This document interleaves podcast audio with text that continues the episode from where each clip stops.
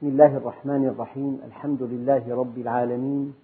والصلاة والسلام على سيدنا محمد الصادق الوعد الأمين. اللهم لا علم لنا إلا ما علمتنا إنك أنت العليم الحكيم. اللهم علمنا ما ينفعنا وانفعنا بما علمتنا وزدنا علما. وأرنا الحق حقا وارزقنا اتباعه. وأرنا الباطل باطلا وارزقنا اجتنابه.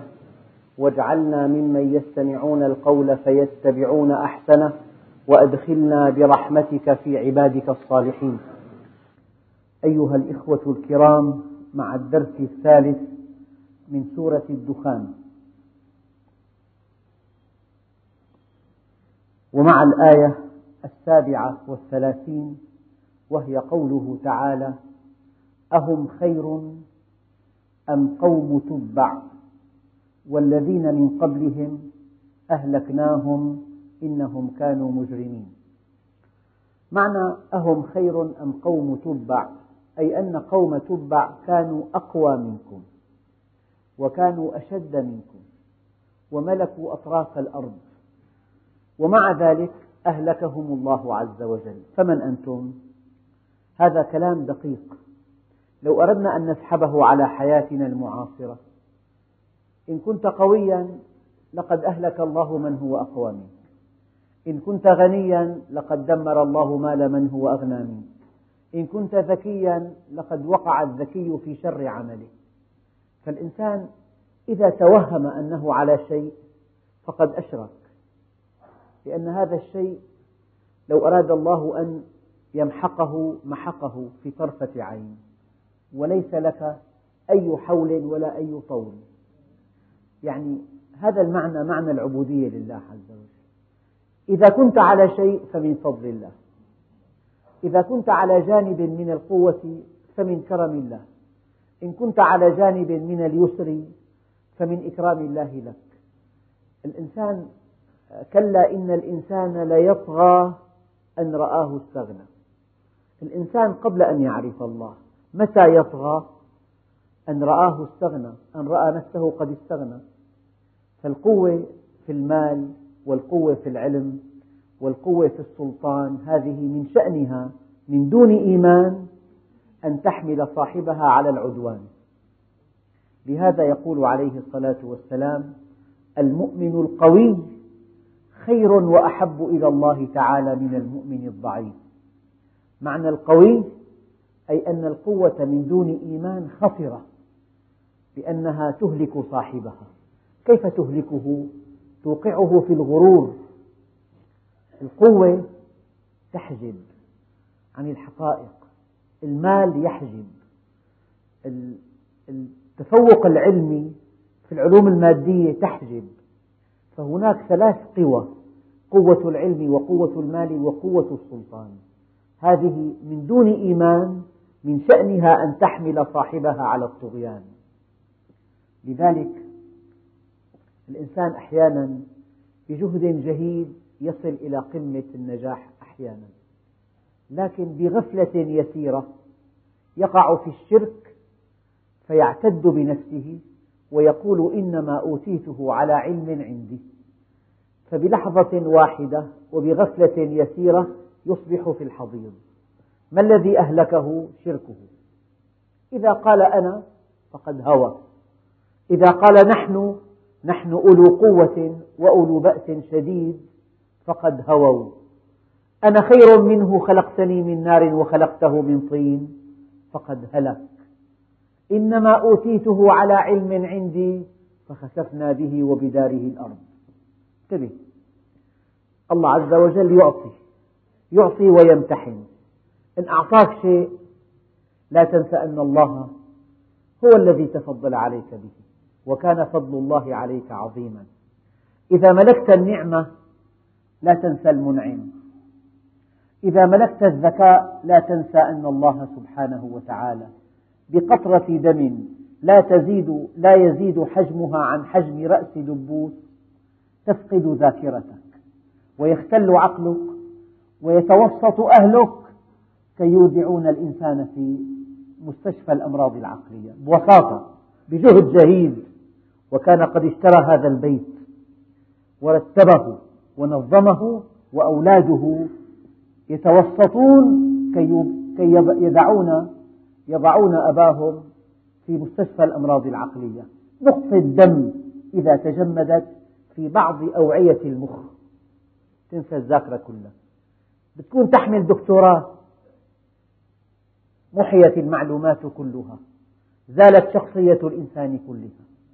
أردت من هذه الأمثلة الإنسان إذا أعطاه الله شيء وهو في نعمة القوة لا ينسى الذي أنعم عليه بهذه القوة. وهو في نعمة المال لا ينسى الذي أنعم عليه بنعمة المال. وهو في نعمة الصحة لا ينسى أن الله سمح له أن يعيش صحيحا. فإذا بقي في النعمة ونسي المنعم فقد أشرك. وإذا أشرك يؤدب. كيف يؤدب؟ يريه الله النعمة بفقدها لا بدوامها. وكان عليه الصلاة والسلام يدعو ربه ويقول اللهم أرنا نعمك بدوامها لا بزوالها. بدوامها لا بزوالها. أيها الإخوة الكرام بالشكر تدوم النعم. كان عليه الصلاة والسلام تعظم عنده النعمة مهما دقت. كم منا واحد يدخل إلى بيته. بيت معه مفتاح بيت معه مأوى. وكم ممن لا مأوى له. لو ذهبت إلى شرق آسيا ملايين الأسر تنام على قارعة الطريق. هو وزوجته وأولاده أو في القوارب. معك مفتاح معك مأوى.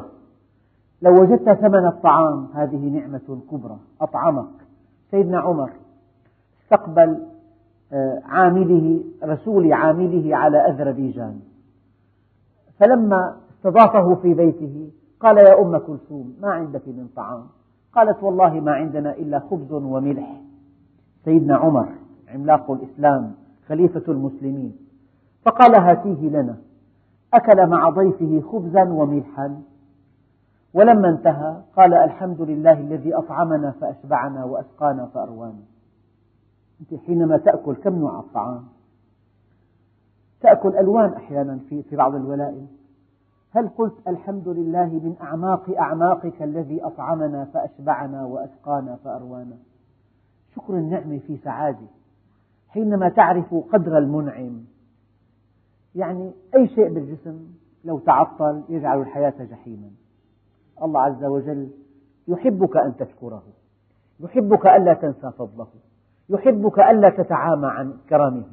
وكان فضل الله عليك عظيما. وأكبر فضل أنه هداك إليه. عرفك بذاته.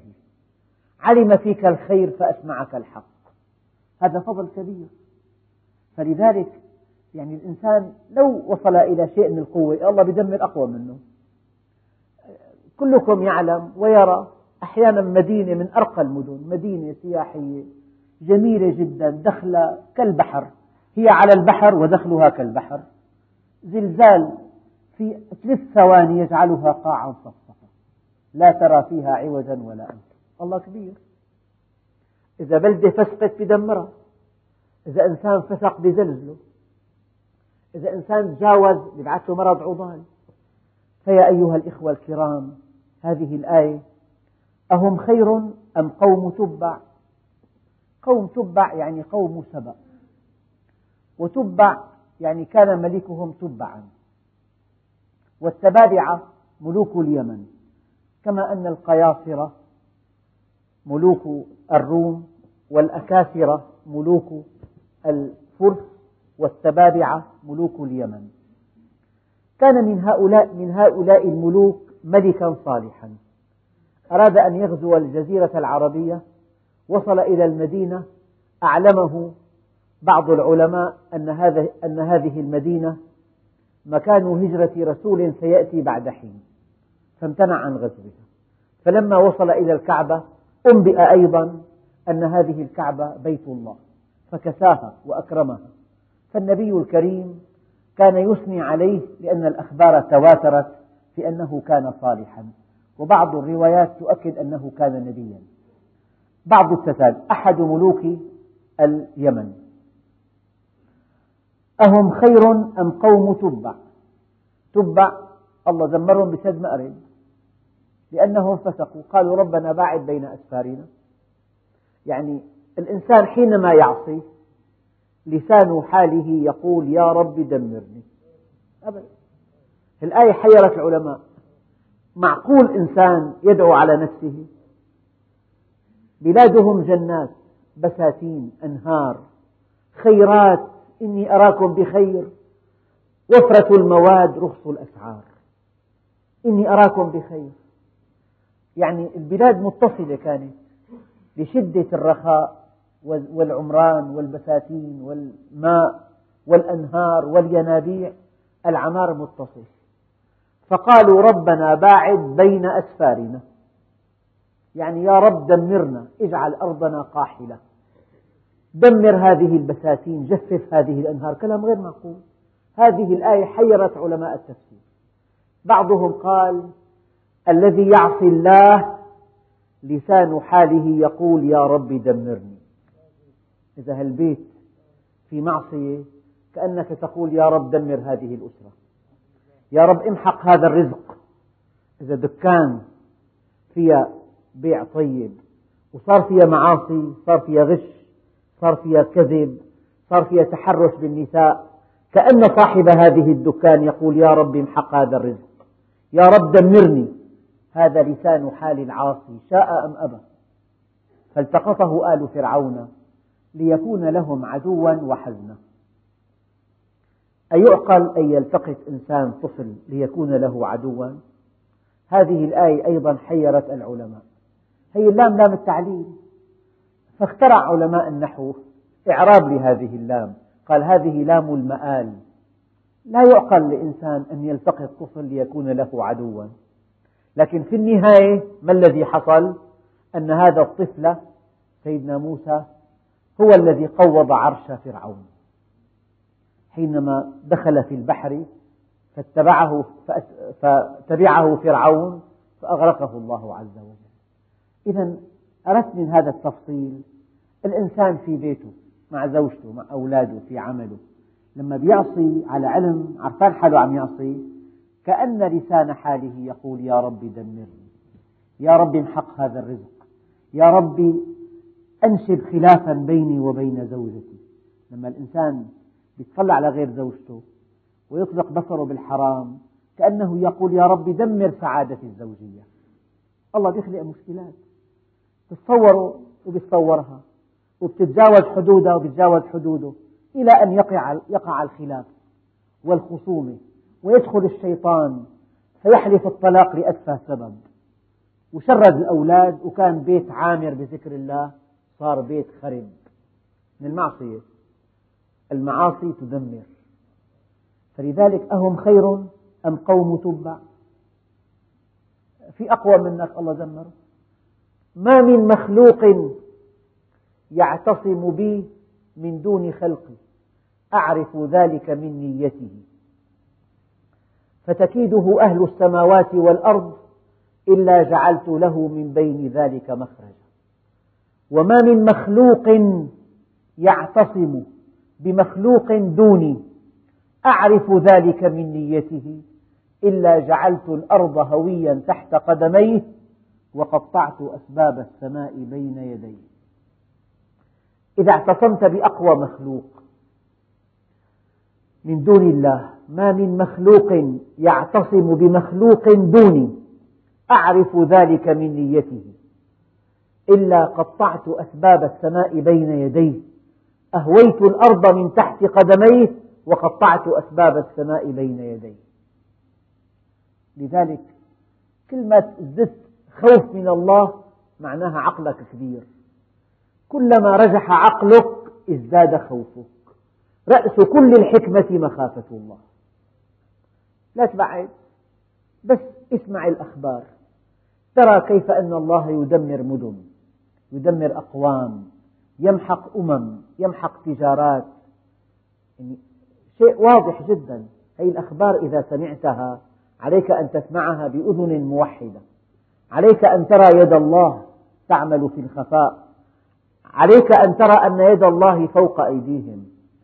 عليك أن ترى أن الله في السماء إله وفي الأرض إله. عليك أن ترى أنه ما لكم من دونه من ولي ولا يشرك في حكمه أحدا. عليك أن ترى أن الله خالق كل شيء وهو على كل شيء وكيل. عليك أن ترى أنه ما تسقط من ورقة إلا هو يعلمها.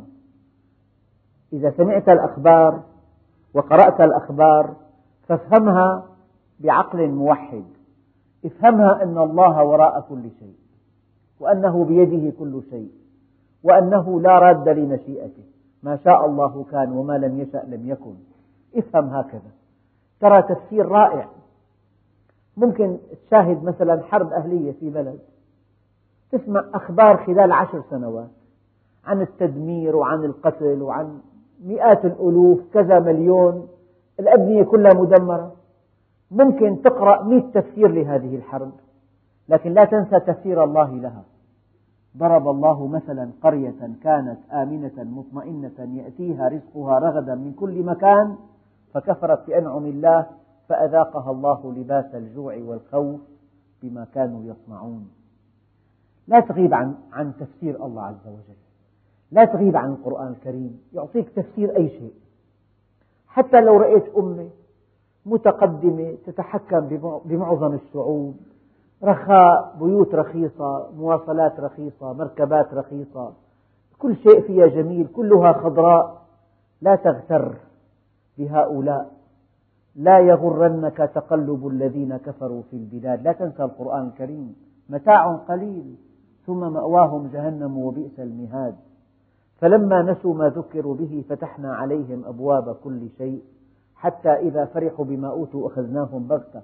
ما تنسى القرآن. لو قرأت القرآن كل يوم لعشت مع التفسير الصحيح لكل شيء. ما بتغتر أبدا. ولا تحسبن الله غافلا عما يعمل الظالمون. إنما يؤخرهم ليوم تشخص فيه الأبصار. ولا تحسبن الله مخلف وعده رسله. إن الله عزيز ذو انتقام. فهذا القرآن الكريم حينما تقرأه تطمئن يطمئن قلبك ترتاح نفسك. كلام خالق الكون يقول لك أنا يا عبدي أفعل كذا وأفعل كذا. كن دائما مع التفسير الديني للأشياء. أهم خير أم قوم تبع والذين من قبلهم أهلكناهم؟ إنهم كانوا مجرمين. يعني فسقوا وفجروا من لوازم الفسق العدوان. الإنسان حينما تتحكم به شهوته لا بد من أن يعتدي على حقوق الآخرين. لو لو ضبط شهوته وفق منهج الله ما كان معتدي. لو ضبط شهوته حبه للمال أو للنساء أو للعلو في الأرض وفق منهج الله ما له معتدي ساعتئذ ثم يقول الله عز وجل وما خلقنا السماوات والأرض وما بينهما لاعبين.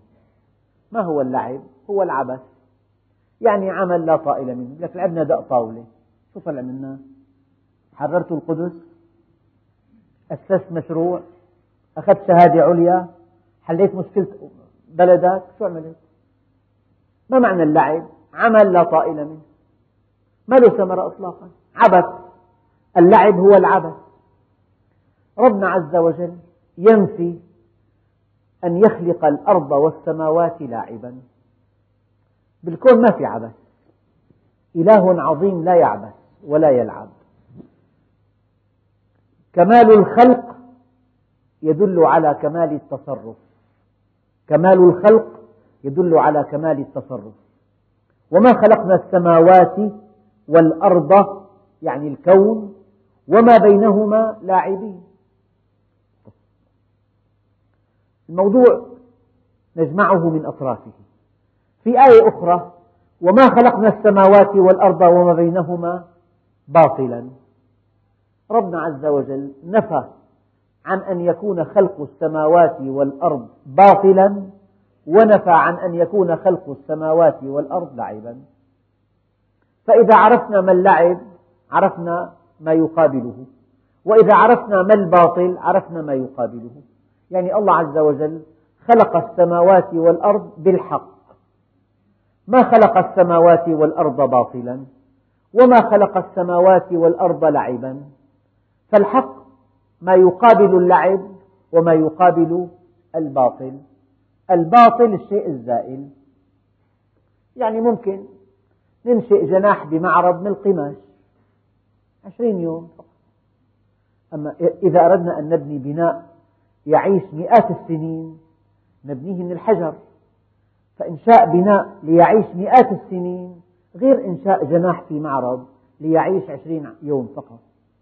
فالباطل الشيء الزائل. أما الحق الشيء الدائم الأبدي السرمدي اللعب الشيء العابث أما الحق الشيء الجاد. إجماع اللعب والبطل وما يقابله الدوام والجدية معنى الحق أن تعمل عملا نبيلا ثابتا. الثبات والسمو. الحق يعني الثبات والسمو. الاستمرار والعظمة. هذا الحق. يعني الله عز وجل خلق الكون أيام الإنسان بيحتار يقول لك شو الحياة؟ لحتى ركز وضعه بالأربعين. من الأربعين للخمسين استكمال تثبيت مكاني استكمال تركيز أوضاع. من الخمسين للستين كلها متاعب صحية. الأبان نزل. معترك المنايا بين الستين والسبعين. هذا إذا كان وصل للستين. ما عم يصلوا هلا. طيب معقول ثلثين العمر إعداد وثلث عمر كله متاعب كل هذا الكون من أجل عشر سنوات. ما بيتناسب الكون مع عشر سنوات. مجرة تبعد عن الأرض 24 ألف مليون سنة ضوئية. في بالكون مليون مليون مجرة بكل مجرة في مليون مليون كوكب. شيء لا يصدق من أجل عشر سنوات. انظروا إذا كنت مخطئة هي النعوات أمامكم. كل ما شفت نعوة قال ما عمر صاحبها. لك 53 42 39 47 62 ما شاء الله معمر. 65 هي الأعمار طيب متى استقر؟ متى تزوج؟ متى صار له دخل ثابت؟ متى ركز وضعه؟ متى رسخ مكانته؟ بالأربعينات بالخمسة وأربعين. طيب كون من أجل عشر سنوات ما بيتناسب. ما بيتناسب. تعمر غرفة بمعرض من الإسمنت المسلح. عرض الحيط متر إسمنت مسلح.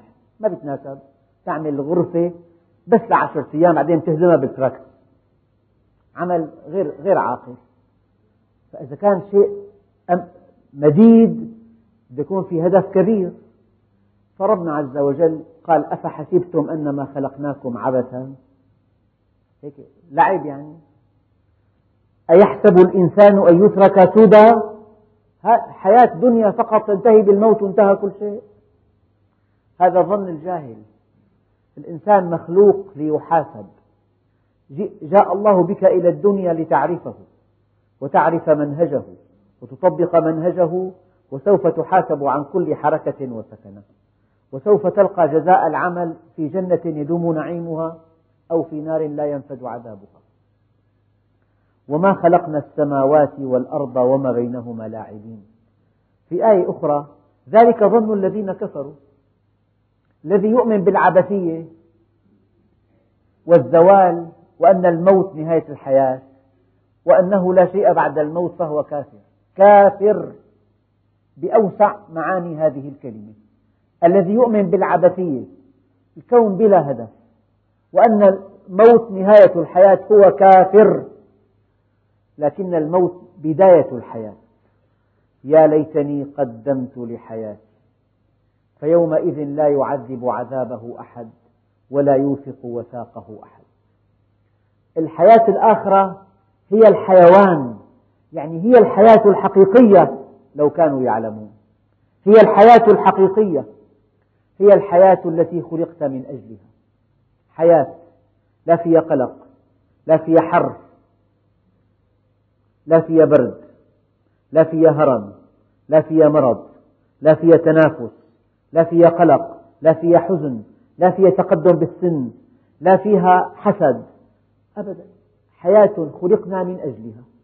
أعددت لعبادي الصالحين ما لا عين رأت ولا أذن سمعت ولا خطر على قلب بشر.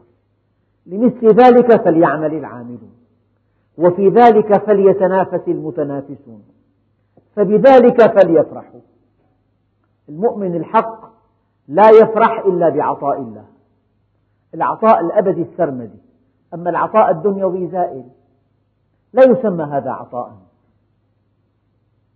وما خلقنا السماوات والأرض وما بينهما لاعبين. يعني خلقنا السماوات والأرض بالحق لهدف كبير وهو إسعاد الخلق. فبالكون تتعرف إلى الله وإن عرفت الله عرفت وعرفت منهجه واتبعت منهجه سعدت بقربه في الدنيا والآخرة. هذا ملخص الملخص ما خلقناهما إلا بالحق لهدف كبير ودون عبث أو لعب. ولكن أكثرهم لا يعلمون. جئت لا أدري من أين ولكني أتيت؟ هذا قال الشاعر. فرأيت قدامي طريقا فمشيت. أين كنت؟ أين صرت؟ أين أبصرت طريقي؟ لست أدري. كلمة لا أدري والقرآن بين يديك حمق هذا. كلمة لا أدري والله عز وجل يبين لك وما خلقت الجن والإنس إلا ليعبدون. مثل الشمس الآية واضحة. إلا من رحم ربك ولذلك خلقهم. يا ليتني قدمت لحياتي. الله عم يبين هذه الدنيا دنيا في حياة عليا هذه دنيا. هي إعداد دار ابتلاء دار تكليف دار عمل في دار تشريف دار استقرار دار نعيم مقيم. هنا الحياة نظام الكسب والسعي وبذل الجهد والكدح. يا أيها الإنسان إنك كادح إلى ربك كدحا فملاقيه. هناك النظام لهم فيها ما يشاءون. اختيار فقط. لمجرد أن يقع في في ذهنك طلب تراه أمامك. ما خلقناهما إلا بالحق ولكن أكثرهم لا يعلمون. أكثرهم لا يعلمون. إن يوم الفصل ميقاتهم أجمعين. كم فرقة وكم اتجاه وكم مبدأ وكم جماعة في الأرض الآن؟ خذ قارة قارة. مئات الجماعات. كل جماعة لها مبدأ لها مبدأ لا تدافع عنه عند أدلة. طيب من على حق؟ شيء بحير. المسلمين آلاف الفرق. النصارى آلاف الفرق. اليهود كذلك. غير اليهود والنصارى والمسلمين. البوذيين والسيخ والهندوس وشعوب إفريقيا وديانات إفريقيا وديانات أمريكا اللاتينية. كم دين في بالأرض؟ وكم اتجاه وكم فئة وكم حزب وكم طائفة وكم جماعة وكم ملة وكم نحلة. طيب هؤلاء من هو على حق؟ الله عز وجل قال إن يوم الفصل ميقاتهم أجمعين. في يوم هذا اليوم يفرز فيه كل الخلق. أنت على حق وأنت على باطل. إن يوم الفصل ميقاتهم أجمعين. الفصل بين الخلائق. كل يدعي أنه على حق. طب من هو, على من هو صاحب الحق؟ طبعا بالدنيا في مقاييس. هذا الكتاب الآن دخلنا في هذا المقياس. الشيء الثابت الكون. قال ديكارت أنا أفكر فأنا موجود. في عندنا شيء ثابت هو الكون الشمس ثابتة. القمر الليل النهار الأرض الجبال البحار النباتات الأسماك الأطيار. جسمك قلبك رئتك أنت أمام آلاف الآيات الدالة على عظمة الله. في له الكون خالق مربي مسير موجود واحد كامل. كل ما في الكون يدل عليه. يدل على وجوده وعلى كماله وعلى وحدانيته. شيء جميل. هي ثابتة. لا يستطيع إنسان كائنا من كان أن ينقض هذه الحقيقة.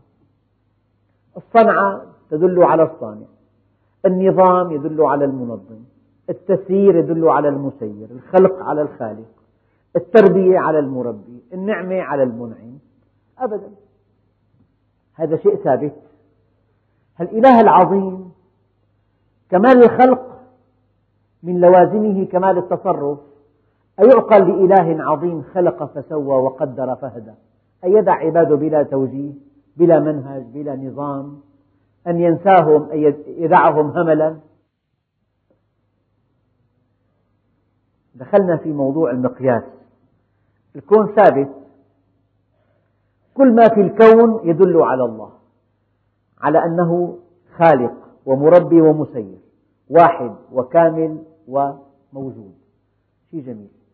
الله موجود وخلقه كامل ومعجز. من لوازم خلقه المعجز الكامل تصرفاته الكاملة. أيعقل أن يبقى الناس بلا منهج بلا دليل؟ لا.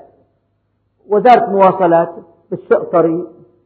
بعد فترة تحط إشارات هون منعطف خطر هون في منزلق هون في جسر هون في تقاطع خطر هون في يعني لوحات وإلا بتصير حوادث كثيرة. شقينا الطريق وعملنا إشارات نبهنا الناس. الله عز وجل الله نور السماوات والأرض. يعني خلق الكون ونوره بالوحي. نوره. في كتاب معك. الكتاب لا يقل عن الكون. الحمد لله الذي خلق السماوات والأرض. الحمد لله الذي نزل على عبده الكتاب. الكون بكفه والقرآن بكفه. منهج. هذا المنهج. طيب ما الدليل على أن هذا الكلام كلام الله؟ بدك دليل قطعي إعجازه. إعجازه. في إعجاز إخباري. في إعجاز إخباري غيب الماضي وغيب الحاضر وغيب المستقبل. في إعجاز علمي إعجاز تشريعي إعجاز بياني إعجاز تربوي إعجاز مستقبلي. إذا أنت الأمر بهمك في مليون دليل على أن هذا القرآن كلام الله. مستحيل. مخلوق. مهما علا أن يأتي بمثله. وللأمة لو, لو اجتمعت. هذا شيء ثابت آخر. الذي جاء بهذا الكتاب رسول قطعا. ما دام هذا معجز الذي جاء به رسول إيش الثوابت عندك؟ الكون ثابت والقرآن ثابت والنبي وكلامه ثابت. ما صح عنه بالتمام فهو ثابت. صار في عندك قرآن وسنة. طيب. أي شيء تسمعه؟ مليون مقولة تعرضها على القرآن والسنة. فإن وافقت الكتاب والسنة فهي صحيحة. يعني في عنا أدلة قبل يوم الفصل. أما إذا كان في تعنت إن يوم الفصل ميقاتهم إذا في تعنت في مكابرة وفي يعني جر الأمور لمصلحة جهة معينة. الإنسان أيام يتحرك لا وفق قناعاته وفق مصالحه. فبزين فكرة لغاية في نفس يعقوب وبيرفض فكرة لغاية في نفس يعقوب. هذا الرفض لا قيمة له والقبول لا قيمة له. هذا قبول مصلحي ورفض مصلحي. أما لو أردت الحقيقة وأنت في الدنيا قبل أن تصل إلى يوم الفصل تعرفها تعرفها. هي مش ثوابت الكون ثابت القرآن ثابت كلام النبي ثابت. هذا هو الحق. قال تركت فيكم اثنين ما إن تمسكتم بهما فلن تضلوا بعدي أبدا. كتاب الله وسنة نبيه. بكل قضية تسمع أيام فكرة تقرأ مقالة بمجلة تسمع محاضرة اعرض هذا على كتاب الله. لذلك أهم عمل تفعله قبل كل شيء قبل أن تأكل أن تفهم كلام الله. هو المقياس. هو الكتاب الذي لا يأتيه الباطل من بين يديه ولا من خلفه. هو الكتاب المقرر فيه النجاة. فلذلك لما الإنسان يجلس بمجلس علم ليفهم كلام الله يقوم بأخطر عمل بحياته. ولا شيء يعلو على هذا العمل إطلاقا. لك أنت الآن تتعلم كلام الله منهجك مقياسك. فلو أردت الحقيقة تعرفها في الدنيا قبل يوم الفصل. لو أردتها صادقا لو أردتها مخلصا تعرفها قبل يوم الفصل. لكن لو, لو ركب الإنسان رأسه وجر الحقائق إلى صالحه ولعب بالأفكار وزور ودجل وحاور لمصلحة يريدها هذا يقول له أنت حسابه يوم الفصل. إن يوم الفصل ميقاتهم أجمعين يوم لا يغني مولا عن مولا شيئا ولا هم ينصرون. حياة الدنيا مبنية على العلاقات والجماعات والتحزبات والكتل. وهذا من جماعتنا وهذا ضدنا وهذا معنا وهذا مو معنا. هكذا الحياة الدنيا. لكن يوم القيامة يا فاطمة بنت محمد يا عباس عم رسول الله أنقذا نفسيكما من النار. أنا لا أغني عنكما من الله شيئا. لا يأتيني الناس بأعمالهم وتأتوني بأنسابكم من يبطئ به عمله لم يسرع به نسبه. أفمن حقت عليه كلمة العذاب؟ أفأنت يا محمد؟ تنقذ من في النار. يوم لا تملك نفس لنفس شيئا. أبدا.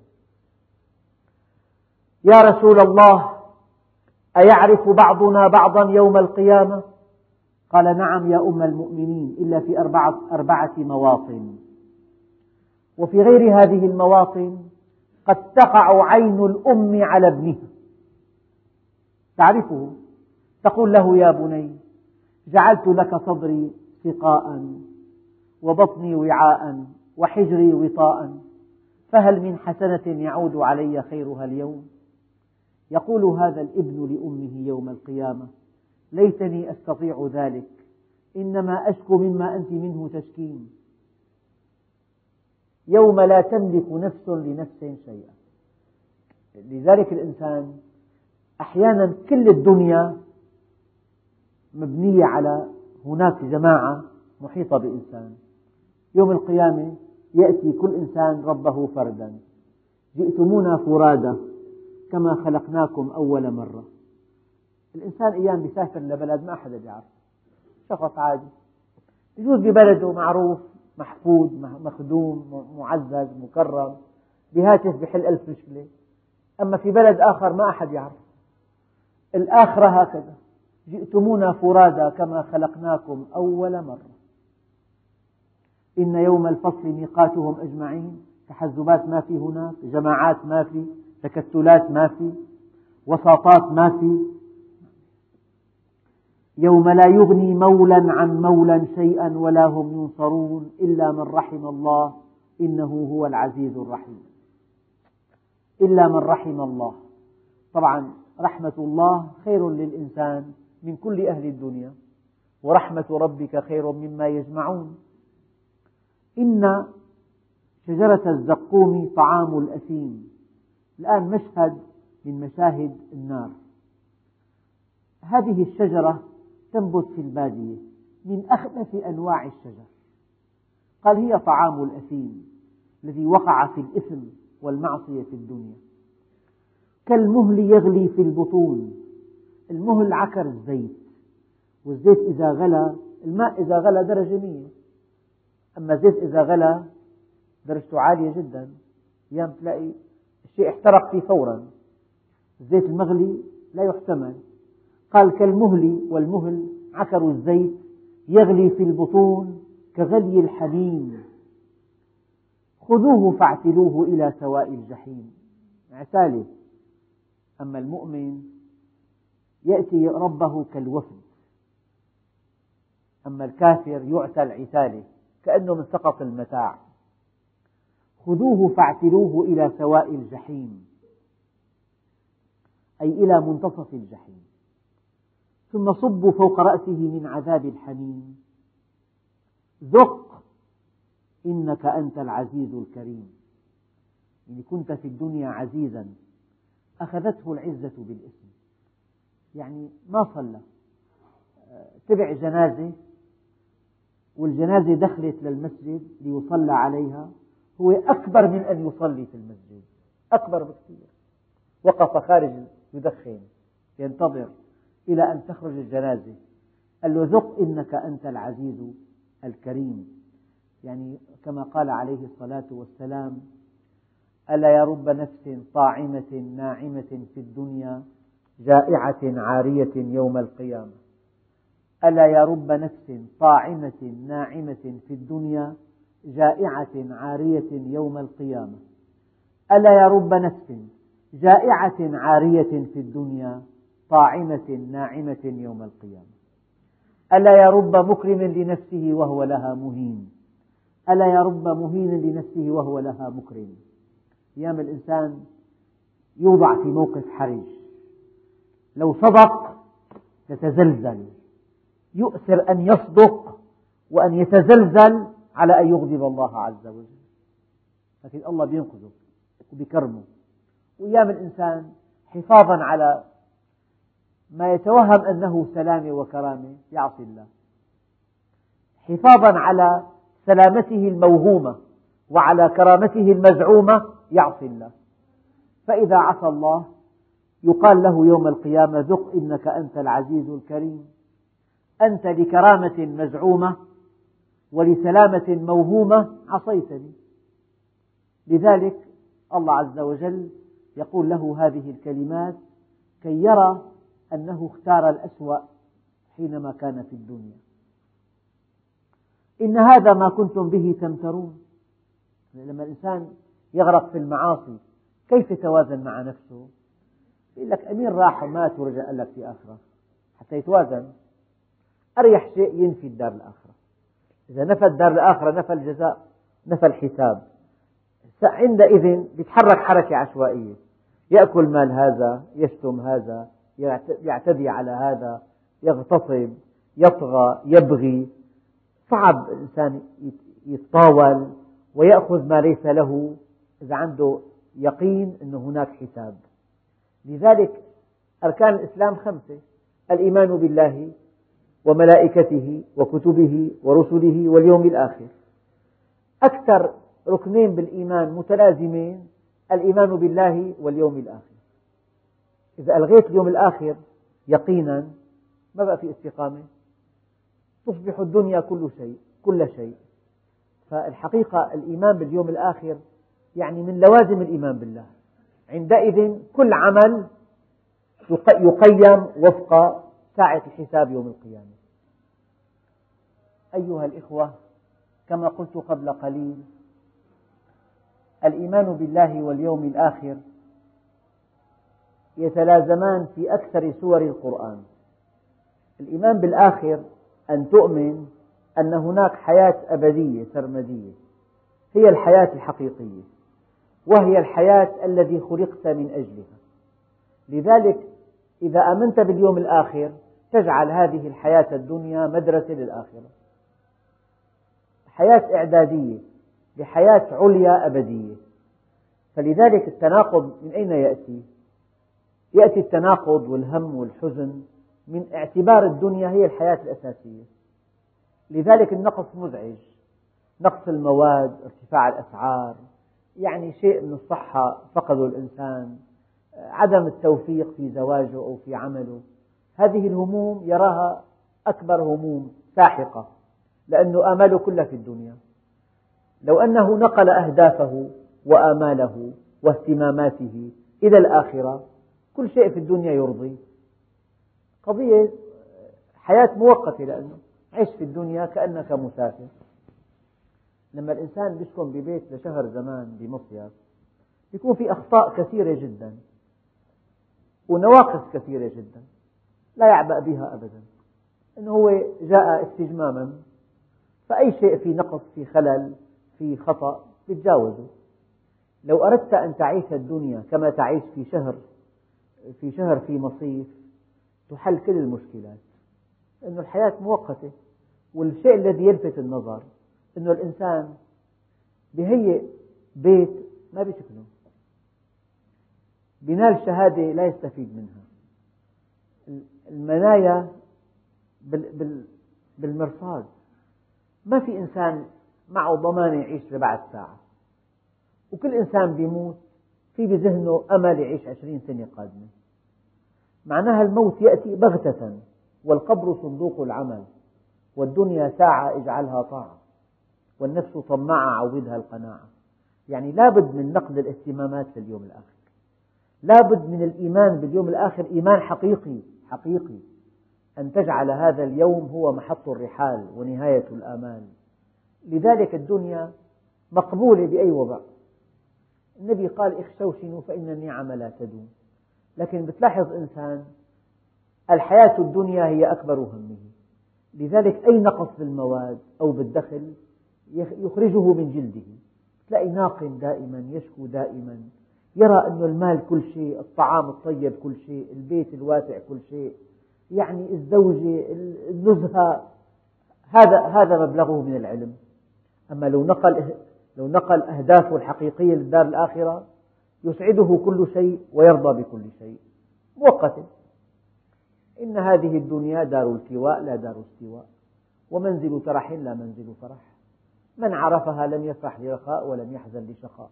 قد جعلها الله دار بلوى وجعل الآخرة دار عقبة فجعل بلاء الدنيا لعطاء الآخرة سببا وجعل عطاء الآخرة من بلوى الدنيا عوضا. فيأخذ ليعطي ويبتلي ليجزي في درس قادم إن شاء الله تعالى نتابع تفسير هذه الآيات.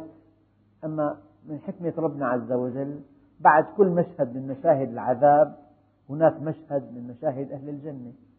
نعم إن المتقين في مقام أمين في جنات وعيون يلبسون من سندس واستبرق متقابلين كذلك وزوجناهم بحور عين. والحمد لله رب العالمين.